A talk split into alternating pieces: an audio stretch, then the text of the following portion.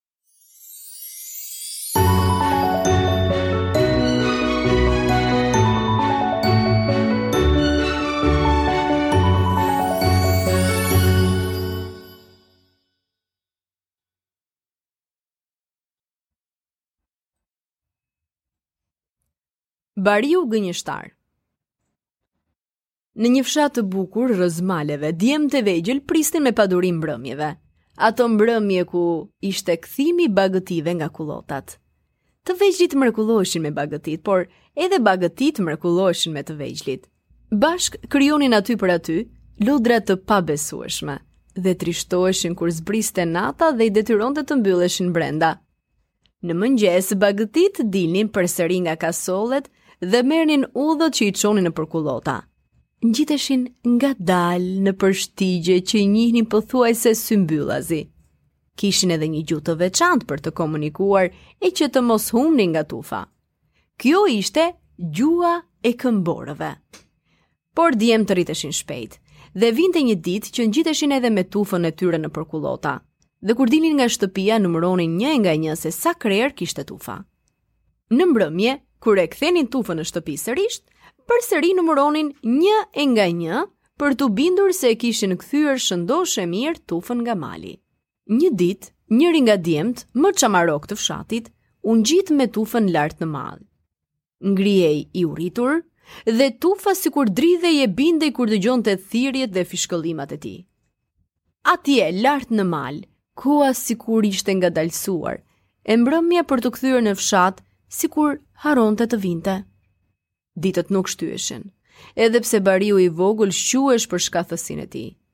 Orët sikur kishin marrë gjatësinë e ditëve, ditët sikur kishin marrë gjatësinë e javëve dhe javët sikur kishin marrë gjatësinë e muajve.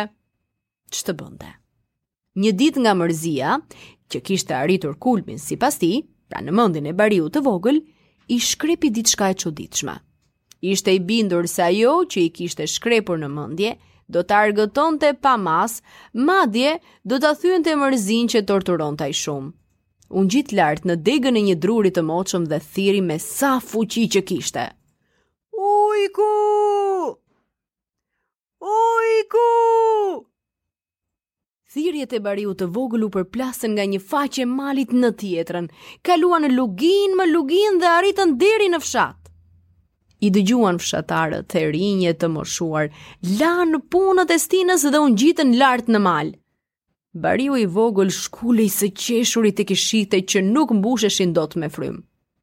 Fshatarët nuk qëndruan gjatë. Nuk e kishin të vështirë të kuptonin se bariu i vogël i kishte mashtruar. Asnjë ujk nuk e kishte kanosur tufën e tij. Ndërsa ktheheshin, i tërhiqnin këmbët me mundim. Ndiheshin të zhgënjyer dhe të fyer.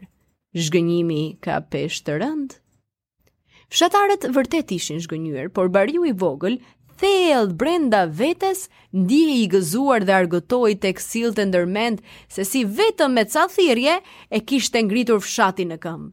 E kishte ngjitur duke vrapuar në majë të malit. Skenat e ngjitjes së fshatit lart në mal ishin gdhendur në kujtesën e tij dhe vështirë se do t'i harronte ndonjëherë.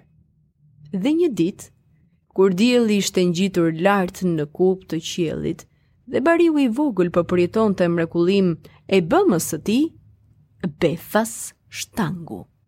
Pothuajse te këmbët e tij, ishte zgjatur hija e frikshme e një ujku.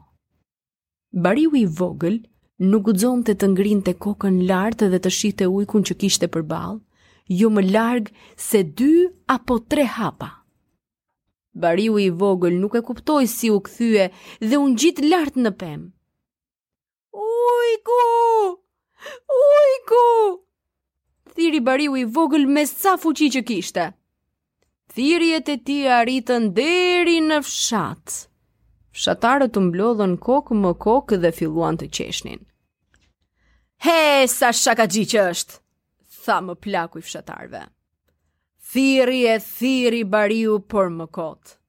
Asnjë nga fshatarët nuk e mori mundimin të ngjitej lart në mal. Ujku, një e nga një, e shfarosi tufën. Kur ujku u largua, bariu i vogël u kthye në fshat pa tufën e tij. Por që nga ajo ditë, emri i tij do të harrohej e do të mbahej mend si djali që thirri ujkun.